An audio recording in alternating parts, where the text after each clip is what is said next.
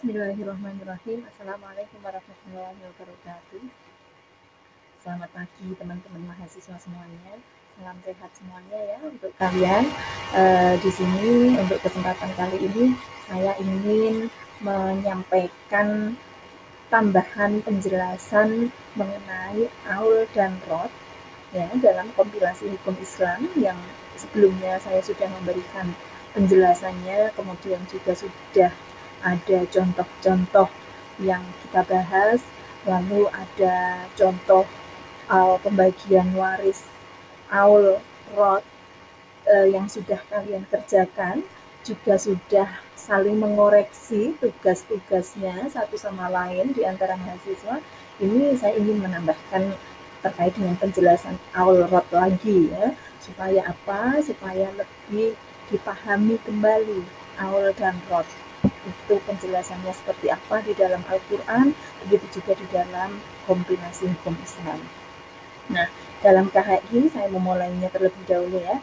Aul dan roh itu terdapat pada bab 4 pasal 192 yang menyatakan bahwa apabila pembagian harta warisan di antara para ahli waris dawil furud yang menunjukkan bahwa angka pembilang lebih besar daripada angka penyebut, maka angka penyebutnya dinaikkan sesuai dengan angka pembilang. Seperti itu. Dan sesudah itu, harta warisan dibagi secara aul menurut angka pembilang. Nah, aul dalam bahasa Arab ini bermakna zolim dan menyeleweng. Ya, uh, sebagaimana di dalam surat An-Nisa ayat 3 yang disebutkan bahwa uh, aul ini tujuannya adalah agar seorang hamba itu lebih dekat kepada Tuhannya dan tidak berbuat zolim. Nah, ketika manusia diuji dengan harta, ya banyak kemungkinan orang semakin jauh dengan Tuhannya. Nah, di sini dari harta warisan yang ada eh, apa kekurangannya mungkin di antara mereka bisa saling mendolimi satu sama yang lain. Maka dari itu Allah memberikan aturan supaya mereka yang menjadi ahli waris membaginya berdasarkan hak masing-masing. Ya, kalau sekiranya harta itu kurang, ya silahkan untuk ditanggung bersama para ahli waris. Begitu juga jika harta setelah dibagikan pada seluruh ahli waris ternyata masih ada sisa, ya maka harus dibagi secara adil berdasarkan haknya masing-masing bagi seluruh ahli waris. Jadi aul bermakna naik atau meninggikan. Uh, seperti air yang sedang naik, ibaratnya begitu. Ya, uh, atau kalau di dalam uh, apa persidangan dalam pengadilannya uh, dikatakan awal ini sebuah perkara yang bisa diajukan banding. Perkara itu naik banding kepada hakim yang lebih tinggi. Nah, itu ibaratnya aul. Ya, ketika ada putusan, kemudian eh, siapa di antara para pihak, misalkan ada yang masih bis, belum bisa menerima putusannya, mereka bisa mengajukan banding ya kepada hakim yang posisinya memiliki kedudukan yang lebih tinggi eh, pada pengadilan, mohon maaf, yang posisinya memiliki lebih tinggi. Nah, aul bisa juga diartikan sebagai tambahan. Definisi aul saya kira cukup jelas ya terkait dengan bertambahnya jumlah harta waris dari yang sudah ditentukan dan berkurangnya bagian pada para ahli waris. Hal ini terjadi ketika semakin banyaknya ashabul furud sehingga harta yang dibagikan habis. Padahal di antara mereka ada yang belum menerima bagian. Nah, karena itu masalah pokoknya adalah harus ditambah sehingga seluruh harta waris dapat mencukupi jumlah ashabul furud yang ada meskipun bagian mereka menjadi berkurang ya makanya kemarin itu kan ada eh, pembesaran pada pembilang ya besar dibesarkan jumlahnya supaya apa bisa mengakomodir pembagian pada seluruh ahli waris. Nah, aul ini sebagai keadaan ya posisinya aul keberadaan aul ini sebagai keadaan jumlah bagian harta waris yang harus dipenuhi melebihi jumlah harta. Misal seseorang yang meninggal dunia eh, mempunyai istri dua orang bapak, dua orang anak perempuan. Nah, semestinya bagian istri adalah seperdelapan. Kenapa? Karena ada anak perempuan. Ayah ibu mendapatkan sepertiga. Dan dua orang anak mendapatkan bagian dua per tiga. Nah, harta yang ditinggalkan jelas tidak dapat menampung jumlah seperdelapan ditambah sepertiga ditambah dua per tiga. Ya, demikian pula jika ada seorang wanita meninggal dunia dengan meninggalkan suami, dua orang saudara perempuan seayah. Coba kita cek, kita hitung haknya masing-masing ya. Teman-teman bisa sambil coret-coret ya di kertasnya masing-masing kira-kira berapa hak bagian dari masing-masing ahli waris tadi Bagian untuk suami adalah separuh. Kenapa? Karena tidak ada anak. Nah, bagian dua orang saudara perempuan seayah adalah seper dua maaf dua per tiga. Jadi jumlah bagiannya adalah setengah ditambah dua per tiga. Jelas ini tidak bisa ditampung oleh harta warisan. Inilah yang dinamakan aul. Jadi aul tidak akan terjadi kecuali dengan adanya suami istri. Ya, ini yang bisa digarisbawahi. Aul tidak akan pernah ada kecuali dengan adanya suami istri. Jadi ulama di dalam hukum Islam banyak yang mereka memiliki pendapat berbeda-beda tentang masalah pemikulan aul. Apakah kekurangan harta warisan itu dipikul oleh semua ahli waris secara bersama-sama atau dipikul oleh seorang ahli waris?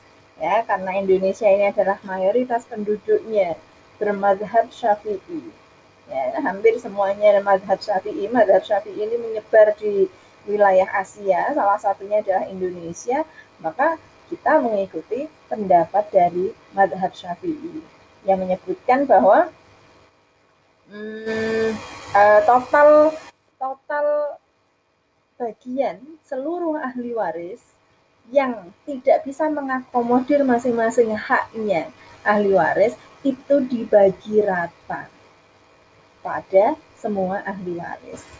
Jadi penambahan harta waris itu disesuaikan dengan jumlah bagian yang diterima oleh masing-masing ahli waris. Ya, persis seperti orang yang mempunyai utang, ketika harta yang akan dibayarkan kepada mereka jumlahnya tidak mencukupi besar piutangnya, uh, ya mereka harus membagi hak-haknya, membagi kekurangannya berdasarkan pada hak masing-masing itu.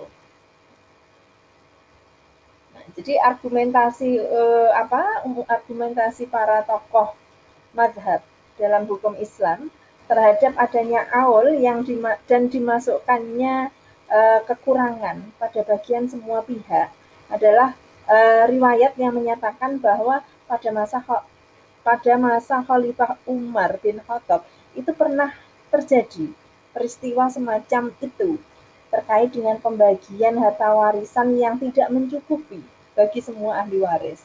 Nah, ceritanya ada seorang wanita yang meninggal dengan meninggalkan suami dan dua orang saudara perempuan seayah. Umar mengumpulkan para sahabat lalu berkata, Allah telah menentukan bagian suami sebanyak seperdua atau setengah. Lalu bagian untuk dua orang saudara adalah dua per tiga. Nah, kalau pembagian dimulai dengan memberi bagian suami, yaitu setengah, pasti dua orang saudara perempuan yang memiliki hak dua per tiga tidak bisa menerima secara utuh. Demikian juga, kalau memulai dengan memberikan bagian 2 per 3 kepada dua orang saudara perempuan tadi, maka suami juga tidak lagi menerima bagian setengah dari harta peninggalan.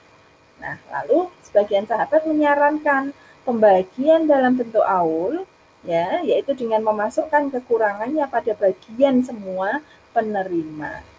Mengapa ini diambil sebagai solusi oleh Umar? Ya, ya karena apa? Umar eh, lebih berpegang teguh pendapatnya kepada pendapat para sahabat. Dia berkata bahwasanya eh, kepada para ahli waris tidak ada solusi yang terbaik yang dapat ditemukan di dalam harta ini kecuali dengan mengurangi bagian masing-masing. Jadi Umar adalah orang yang pertama melakukan pembagian waris dengan menggunakan sistem aul yang kemudian diikuti oleh mayoritas ulama madhab. Nah, pokok masalah di dalam ilmu waris ini ada tujuh ya. Di antaranya adalah eh, eh, apa namanya pokok masalah yang ada di dalam ilmu waris ya. Ini ada tujuh. Di antaranya tiga itu dapat diaulkan sedangkan yang empat tidak. Jadi pokok masalah eh, apa hak pembagian ahli waris itu ada tujuh. Namun tiga di antaranya bisa diaulkan sedangkan yang empat tidak dapat. Nah tiga pokok yang dapat diaulkan apa? 6 ya 12 kemudian 24 artinya seper 6 seper 12 seper 24 gitu ya. Kemudian pokok masalah yang tidak dapat diawalkan ada 4 2 3 4 8 jadi kalau ketemu seper setengah seperempat seperdelapan e, dari masing-masing ahli waris yang ada di dalam pembagian waris maka ini menjadi masalah yang tidak dapat diawalkan Nah, jadi itu tambahan terkait dengan penjelasan aul. Saya lanjutkan ya, satu lagi pembahasan mengenai rot. Rot itu apa? Tentu rot ini kebalikan dari aul, yaitu berkurangnya pokok masalah dan bertambahnya jumlah bagian ashabul wurud. Urut. Rot ini kebalikan dari aul ya tadi ya. Nah, dalam suatu keadaan ashabul furud para ahli waris menerima haknya masing-masing. Namun, ternyata harta warisan itu masih tersisa. Nah, sementara itu tidak ada lagi kerabat lain sebagai asobah. Lantas, sisa harta warisan itu dikembalikan lagi kepada para ahli waris sesuai dengan bagian masing-masing. Rot tidak akan terjadi kecuali kepada orang yang mempunyai bagian ashabul furud. Ya, ashabul furud ini kan yang sudah ditentukan hak-haknya berdasarkan Al-Qur'an. Sebab bagian warisan mereka sudah ditentukan dan dibatasi. Nah, jadi kadang-kadang eh, bagian bagian ahli waris ini hak-hak ahli waris ini bisa menghabiskan semua harta Ya, misalkan yang kita gunakan sebagai contoh di awal-awal pembagian warisan ya, bagian ayah dan ibu dengan dua orang anak perempuan pewaris. Ayah ibu, haknya berapa kalau ada anak? Yaitu sepertiga, ya. Kemudian dua orang anak perempuan, tidak ada anak laki-laki, ya haknya berapa? Haknya dua per tiga.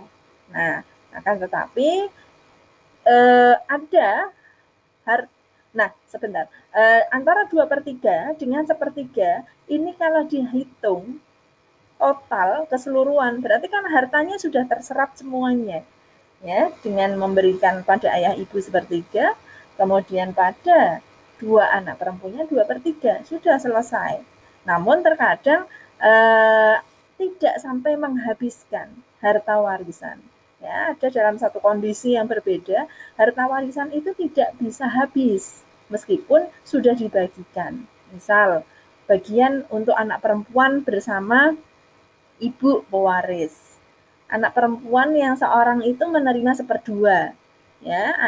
Ahli warisnya kan anak perempuan dengan ibu. Anak perempuan mendapatkan hak seperdua atau setengah. Sedangkan ibu berapa jika ada anak? Ibu jika ada anak mendapatkan seperenam. Nah, Kira-kira masih ada sisa enggak? Masih, ya. Seperenam setengah, berarti sisanya masih 2 per 6. Nah, apa yang dilakukan terhadap sisa harta peninggalan? Sisa dari harta yang sudah dibagi.